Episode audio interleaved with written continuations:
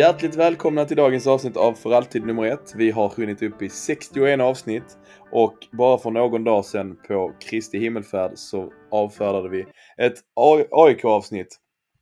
Nu blickar vi framåt. Imorgon möter vi eh, Kalmar FF på Stadion och eh, ni kommer börja med att höra en, en intervju här innan vi släpper in Marcus och Gustav. Ingen skumpa har jag sett än, så jag är lite besviken sådär, men fy fan vilken pers. Underbart. Vi sitter här, eh, eller jag sitter här tillsammans med Martin Modin ifrån eh, Kalmar. Hej Martin! Hejsan hejsan! Vi tänkte snacka upp, eh, snacka upp mötet lite inför eh, Kalmar FF-matchen eh, på måndag som kommer till besök, på besök på, på stadion här. Och tänkte höra lite med dig om, om läget i, i truppen här och läget i laget och lite om hur det är att vara Kalmar FF-supporter för att det skiljer sig säkert, säkerligen lite från, från att vara MFF-supporter gissar jag. Du får väl börja med att presentera dig själv, vem är du? Yes, Martin Modin, 44 år gammal, bor i Kalmar som sagt. Varit Kalmar FF-supporter sedan jag föddes egentligen jag var väl med min morfar för, på första matchen på Fredriksskans när jag var ja, fem, sex kan jag tänka mig, någonstans där. Eh, och eh, sen har ju egentligen supporterskapet utvecklats hela vägen så att eh, jag stod väl i klacken när jag var 13-14 första gångerna. Jag åkte väl på min första supporterresa när jag var runt 15-16 där någonstans, 17 kanske. Eh, och sen har det eh, gått på hela vägen. Fortfarande. Ja, det, det, det, det, är ett långt supporterskap du, du redan nu ligger inne på och du sa att, eh, och du sa att det var bortamatcher. Vilken var din första bortaresa då? Åh oh, herregud, nu ska vi se här om jag kan dra mig till minnes. Det var säkert någon sån här obskyr plats. Vi, det var ju division 1 södra på den tiden. Uh, jag kan tänka mig kanske möjligtvis Landskrona borta. Det var ju en, en relativt eh, nära resa. Ehm, någonstans, eh, möjligtvis där någonstans. Landskrona, Landskrona Mjällby möjligtvis. Eh, det var, var ju en del eh, hårda bataljer mellan de, två, mellan de tre lagen. Ja, det, det låter ju som att, som att vi ändå måste börja i den, i den änden tycker jag innan vi kommer in på nutid och hela den resan som då Kalmar FF har gjort från, från division 1 upp i, jag har vunnit ett SM-guld också så att, så att ja. det, bara det måste ju vara häftigt och det får du gärna, gärna återspegla så att, så att eh. man, man, kan, man, kan väl, ja, precis, man kan väl säga som så här att nyanserna har ju varit ganska, ganska stora från det att vi i stort sett alltid var topplag, division 1 södra och eh, vi, eh, men vi låg ju i toppen. Vi var ju på i alla fall på de fem främsta eh, de flesta åren. Eh, sen Helsingborg gick ju upp före oss. Ehm, sen så fick vi ju en liten dipp. Vi, var ju på gränsen i många år. Sen hade vi ett generationsskifte som gjorde att det blev lite problematiskt. Vi var uppe i allsvenskan, vände en gång, eh, raka vägen i ja, nuvarande division 2 är det då fast, eller division 1 nu, men division 2 då ju.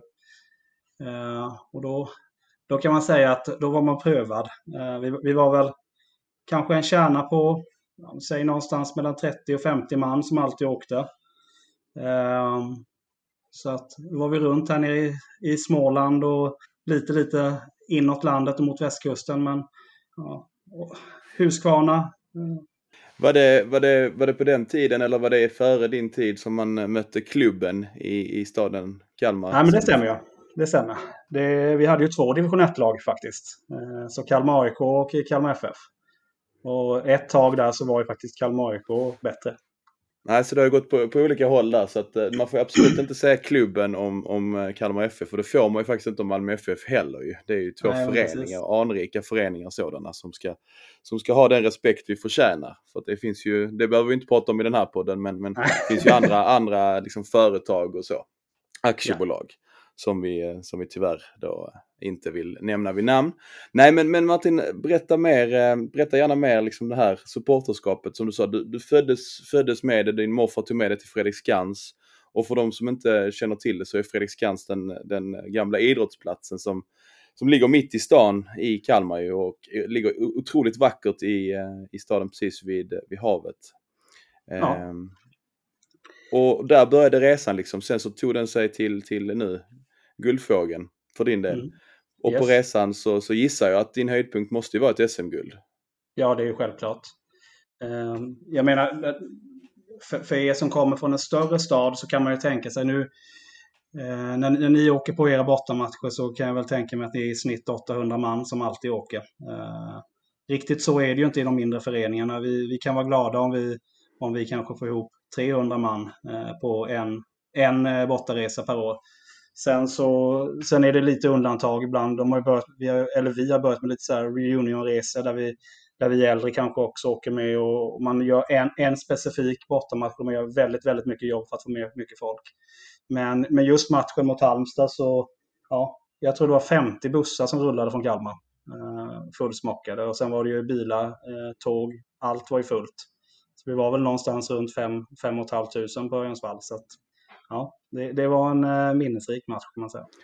Det blir ju svårt när man liksom inte har någonting annat att jämföra med. Men som jag sa innan så har jag ändå pluggat i Kalmar så att jag har liksom träffat folk och ja men jag har många goda vänner där fortfarande så att jag förstår ju och har ju fått hela den här bilden förklarad för mig och någonstans ändå kanske levt lite i, i så att säga Kalmarbubblan och den här tuffheten eller det jobbiga är att behöva mobilisera bara ett hundratal.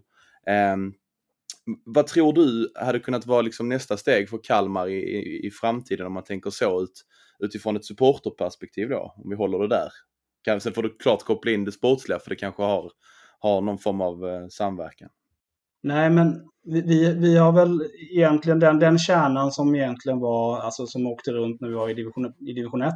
Eh, vi har ju ofta pratat om vad man, vad man behöver göra och det, Eh, det är egentligen till att nå ut till nästa generation eh, och göra det ganska tidigt. Nu, nu gör ju Kalmar FF ett eh, jättejobb, jag vet inte om ni har talat om det, men Kalmar FF med hjärtat.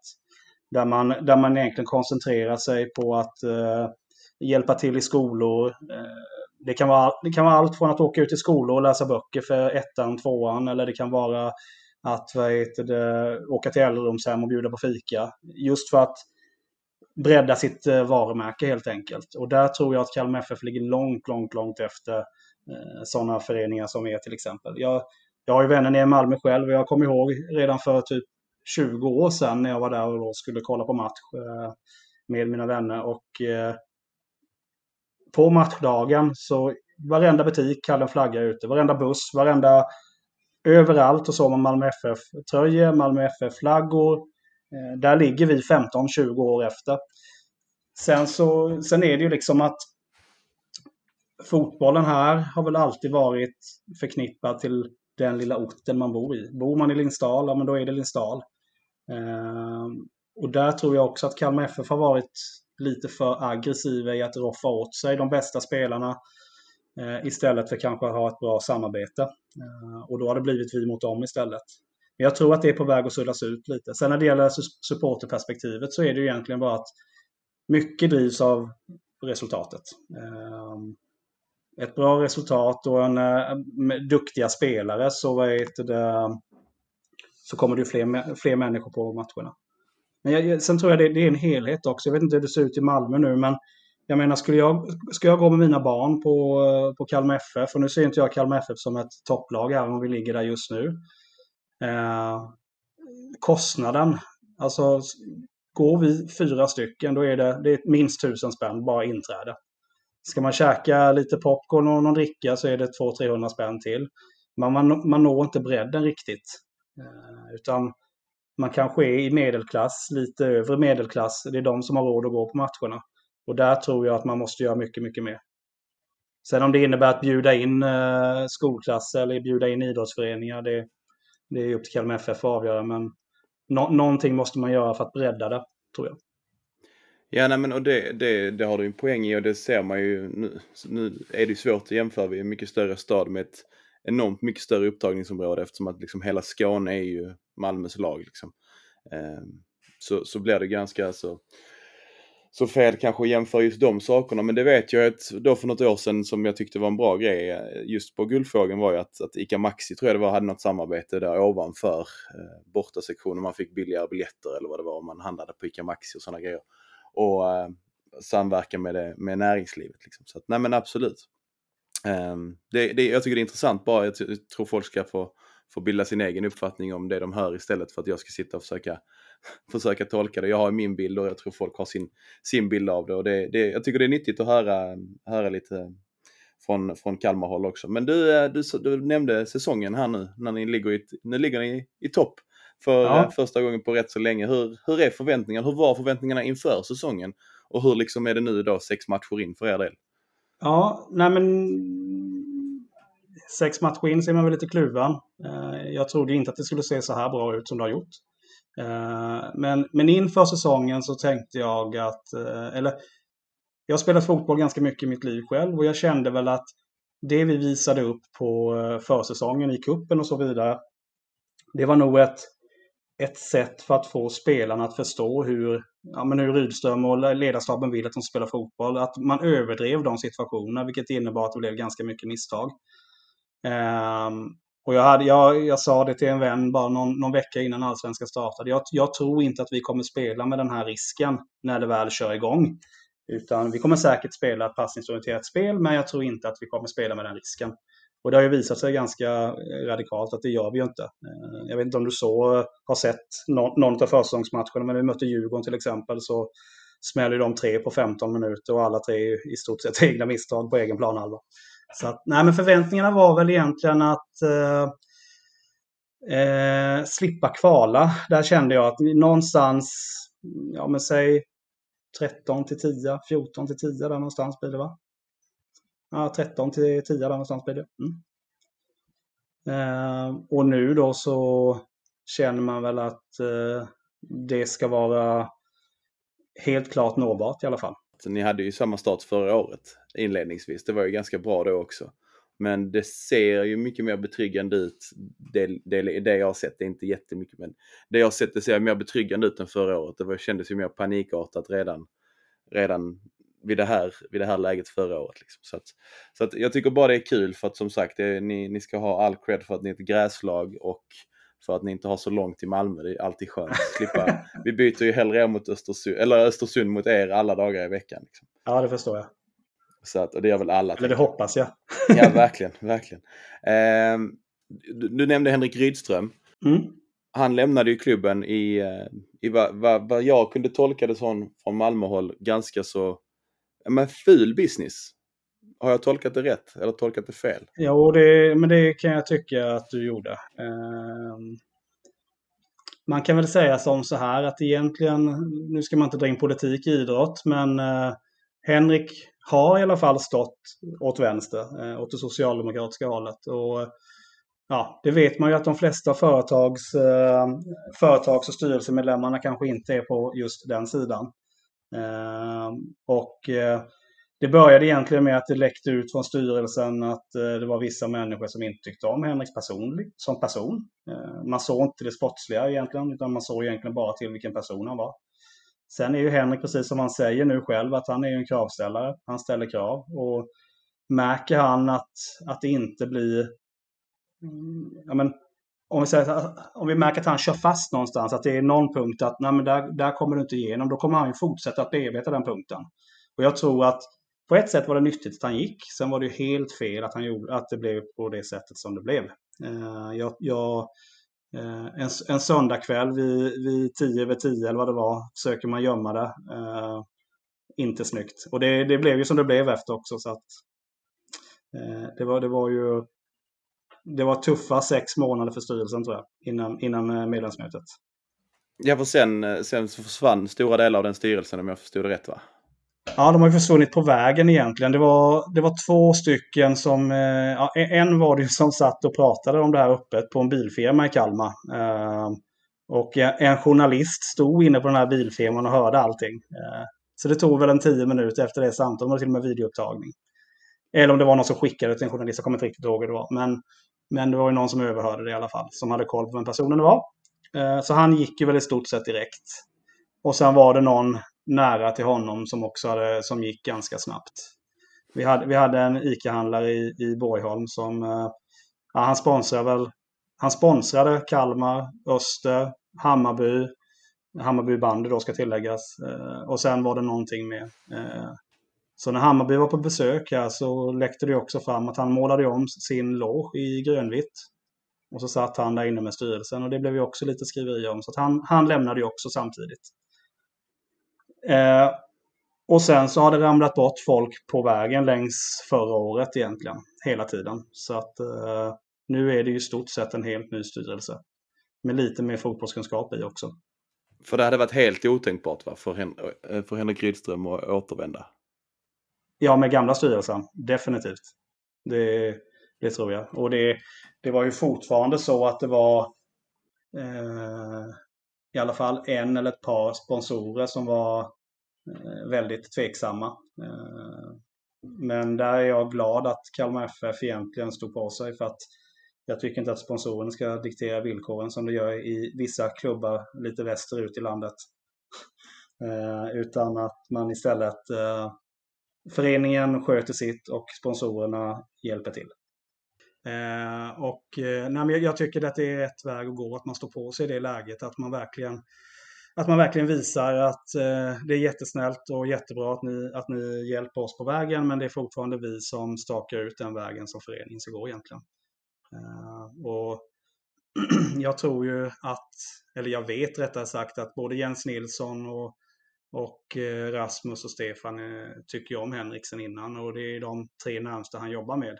Eh, sen finns det ju även sportchefen då, Jörgen Pettersson, som är, som är med i det läget. Och där, där trodde man väl att det kunde vara lite känsligt, för att han var ju även med då vid senaste eh, vevan. Och eh, när Svärd fick gå och Rydström, eh, eller ja, Svärd fick ju gå och Nanne tog över. Det var ju, då var ju Rydström eh, assisterande till, till Svärd och där är ju Jörgen och Svärd ganska bra kompisar sedan tidigare. Så att där trodde man att det kunde vara en liten skiss, men det verkar som att det, det har löst sig på vägen också, så det, det är ju bra. Jag får säga vad man vill om, om Henrik Rydström och hans korta shorts och inoljade ben och som fotbollsspelare så, så, eh, så måste man ändå säga att han tillför en dimension i allsvenskan som, på, på tränarbänken som, som jag åtminstone genuint uppskattar. Det, det, det, är, det är eh, härligt att höra framförallt tränare då som, som eh, säger vad de tycker och säger vad de tänker och men du, vad tänker du nu då? Nu, nu börjar det närma sig eh, måndag här så smått. Va, vad tänker du om matchen? Ni har ju inte,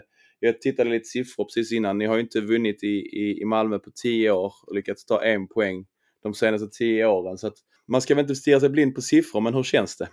Eh, det känns positivare än vad det gjort tidigare. Sen har ju vi en tendens att dra, dra på oss lite röda kort mot det också. Det hoppas vi att vi slipper göra den här gången så det blir match hela vägen i alla fall. Eh, men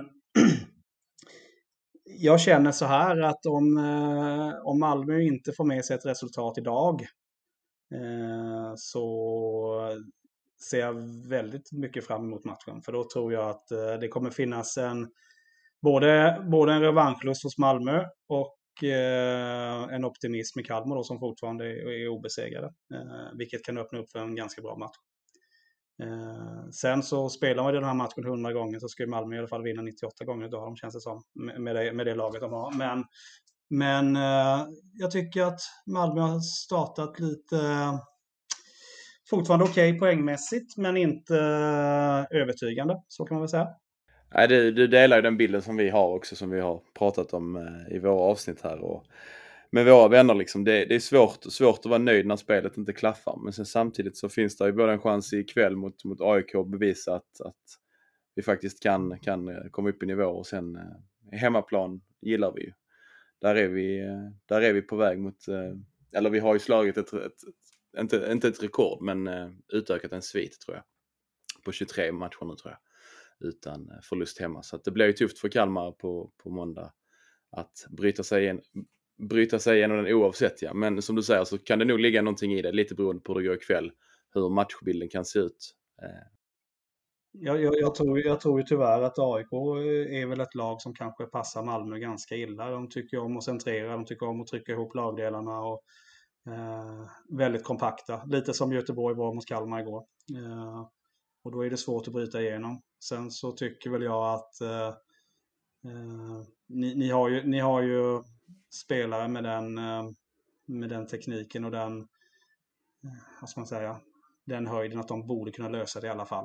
Eh, för AIK har ju inte sett speciellt spetsiga ut framåt, så kan vi väl säga. För att vara snälla. Men de har ju varit kompakta och, och stabila som de gamla AIK.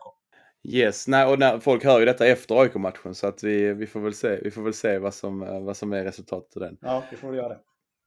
Du eh, Martin, jag tänkte så här, vi avslutar alltid våra supporterintervjuer med, eh, med två frågor egentligen som, som vi i Malmö tycker är lite intressanta att se. Mm. Eh, eller vi från vår podd då.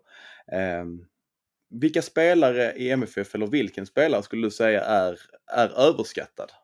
Jag har ju två där som jag tycker. Eh, jag behöver utveckla det lite också, men jag, skulle säga så här. I, I, den truppen ni har idag så kan jag känna att eh, Berget är en spelare som jag tycker är överskattad. Kanske främst för, eller, det är en duktig spelare, absolut. Men jag tycker att han kanske ser sig som lite bättre än vad han egentligen är. Ehm, nu vet man inte hur mycket som är sant, men, men, men det här man läser i tidningen till exempel, att han, att han säger att han ska spela forward och att han vill spela forward och så vidare. Eh, sådana tendenser kan jag tycka så här, men du har spelat på kanten här nu i fyra, fem år och du har gjort det jättebra. Eh, det kanske är den platsen du ska ha. Det finns andra spelare som kan spela forward istället. Ehm, sen så eh, Sen, gör, sen lägger han alltid ner ett hårt jobb och sådana spelare tycker jag om. Även om jag tycker att pressen kanske överskattar honom lite mer än att, han, eh, att jag tycker att han är överskattad. Ehm, man hör ju upp honom som någon jättestjärna och det tycker jag inte att han är. Eh, sen tycker jag, det kan, det kan vara personligen också, men jag tycker inte om Ola Toivonen. Jag tycker att han är väldigt, väldigt överskattad. Eh, jag tycker att han gör för lite poäng. Ehm, förra året gjorde han väl ändå hyfsat med poäng. Jag vet inte exakt vad det hamnade på, men men okej. Okay. Eh, sen givetvis så... Eh, jag, jag, tycker om lite som, eh, för, för de som såg matchen igår mellan Kalmar och Göteborg så tycker jag ju om när Eh, det är lite närkamper och det är lite, lite tuffare. Eh, jag tycker att Ola med, med, sin storlek borde kunna stå upp lite mer än vad han gör för att vara ödmjuk. Eh, sen kanske inte det har med överskattning att göra men eh, ja, jag, ty jag tycker att han har han har nog gått förbi sin peak så att säga. Det har han gjort definitivt. Och där vill ju gärna pressen höja honom som att han fortfarande är landslagsspelare och där tror jag inte att han är riktigt i dagsläget. Nej, Nej och det är som, som jag har sagt de tidigare intervjuerna jag har gjort. Vi ska inte, inte försvara, vi ska inte komma med någon, någon eh, så här tillbaka kaka på något sätt. Utan det, det, så vi, tar vi tar... tre ikväll förmodligen när jag säger det. Eller så sparar han sig till måndag du. Ja, så kan det också vara. Ännu värre. Nej, ja, det, har faktiskt, inte, det har faktiskt inte hänt hittills att, att uh, någon har jinxat det i podden innan. Uh, men du, då vill jag gärna också såklart veta vem du ser som, som underskattad i, i Malmö FF. För det måste det finnas någon som är. Ja, det tycker jag absolut. Eh, jag tycker att Marco Johansson är grymt underskattad. Jag tycker att jag försöker tänka tillbaka här nu vad han är. Jag är själv gammal målvakt. Jag tycker att han eh, utan tvekan tror jag att han är bland de tre bästa i allsvenskan i alla fall. Eh, kanske fyra, eh, tycker jag. Eh, jag tycker att han får för lite hjälp av sitt försvar. Jag tycker att försvaret varit för dåligt i dagsläget. Eh, man släpper till lite för lätta chanser. Vi kan ju ta målet mot Varberg exempelvis. Är det Vargic han heter va? Som egentligen får komma fram inom målområdeslinjen och dunka in från tre meter med huvudet. Det finns ju ingenting att göra där. Men sen visst, han är fortfarande relativt ung. Han har gjort en del misstag, det gör målvakter absolut. Jag tycker att han är underskattad. Jag kommer ihåg matcher som han har gjort när han har varit utlånad mot Kalmar. Och det, alltså, det är ju landslagsklass på vissa matcher han har gjort. Så att, jag tror att han har en jäkligt hög högsta nivå. Sen kanske han inte har det förtroendet idag från supportrar till exempel. Eller från, eh, jag menar, man blir lätt påverkad när man, eh, när man är ung. Man läser, han läser säkert mer sociala medier än exempelvis vad Toivonen gör. Eh, tidningar, lyssnar på poddar och så vidare och så vidare. För man, jag tycker att man ser att han har inte riktigt det där självförtroendet som han hade till exempel i Mjällby. Där han var lite mer självklar.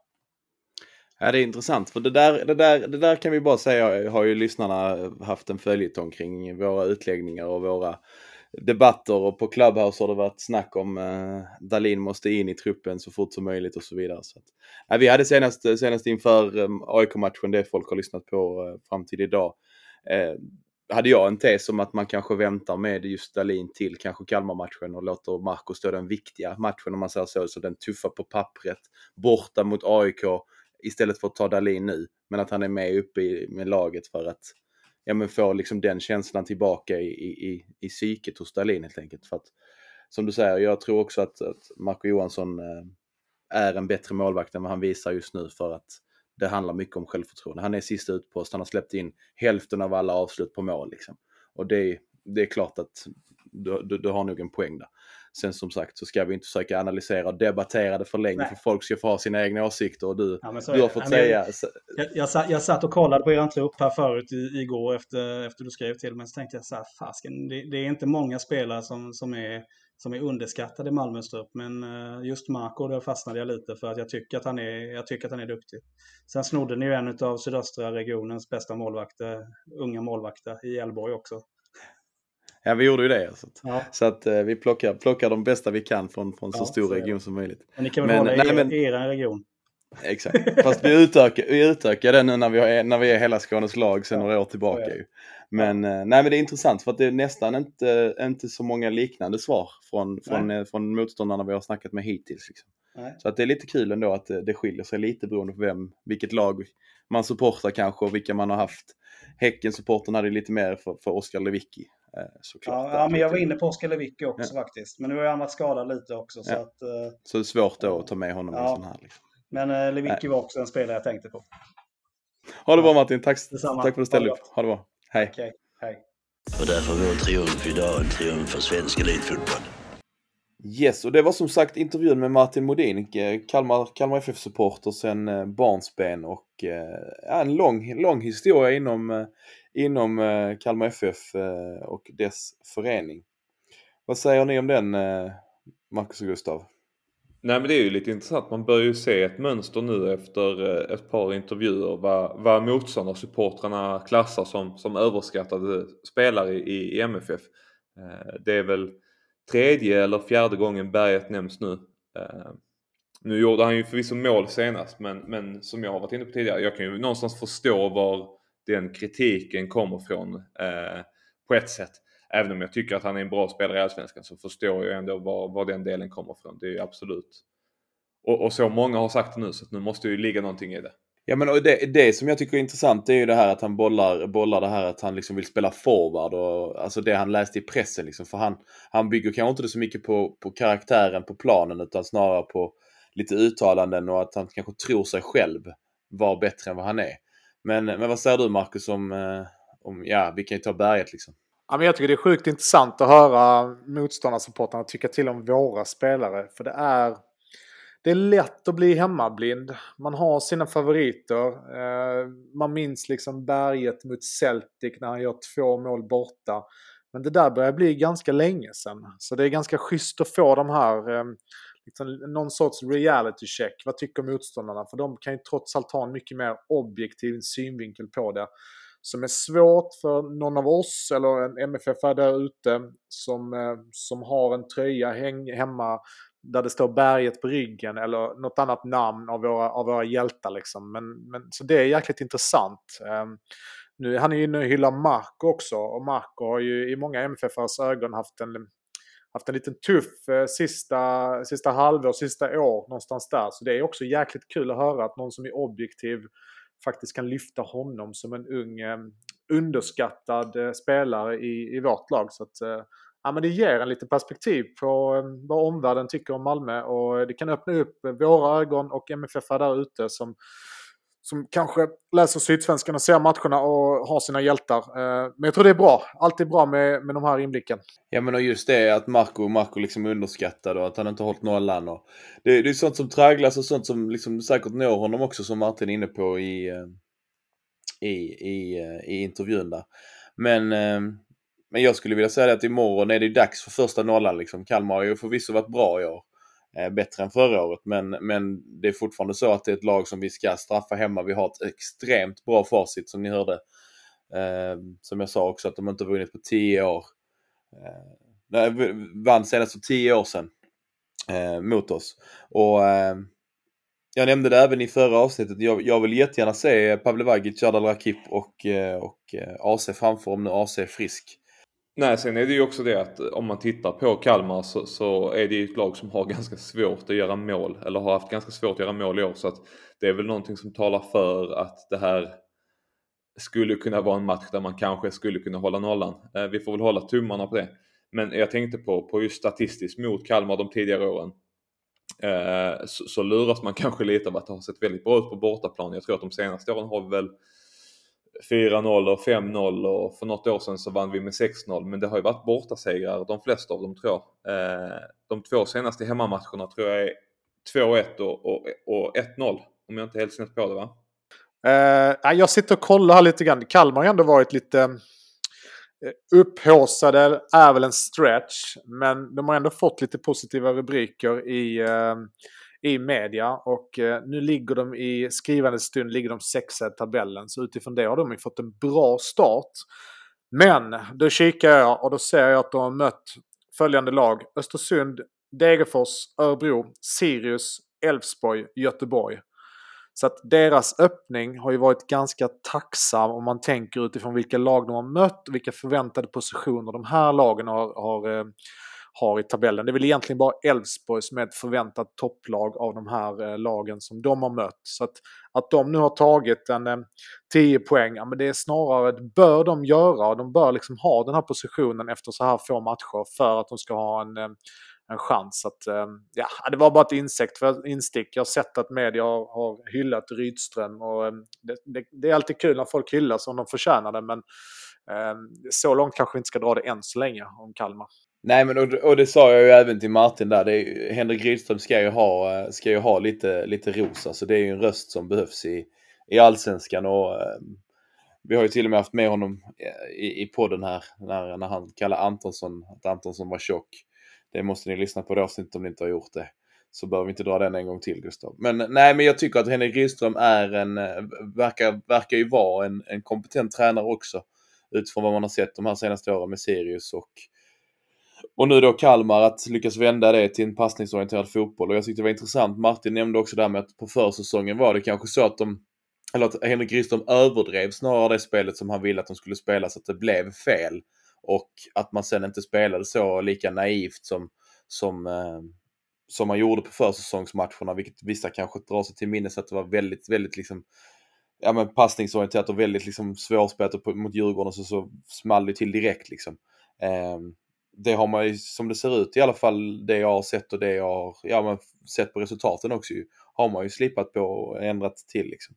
Så att, eh, men absolut tacksamt schema, det, det ska man inte skjuta under stol med. Jämför det med vårt så, så är vi inte säkra på att de hade haft lika många poäng eh, som de har. Men eh, alltså jag tror att imorgon vi, vi, kommer, vi kommer komma ut förhoppningsvis lite god, god, eh, god sol i, i, i Malmö och eh, en vattnad gräs, gräsplan.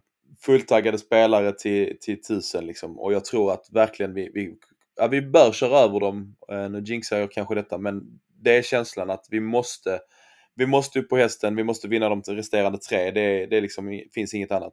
Som du sa sist Marcus. Det är tre matcher kvar och det är de, där, nio poäng då, då är det bra läge inför hösten. Plus att vi har det här viktiga med vår svit hemma nu ju. Så att det är bara ut imorgon, ta tre poäng och eh, ja, men kriga ner Kalmar. Det ska inte ens behövas en kriginsats. Vi skulle vilja ha snyggt spel av Malmö, att det börjar klicka lite grann mer eh, och att vi har eh, tre säkra poäng. Eh, gärna en hållen nolla också. Eh, framförallt bara för självförtroendet för, eh, för mittbackarna och, eh, och eh, målvakten.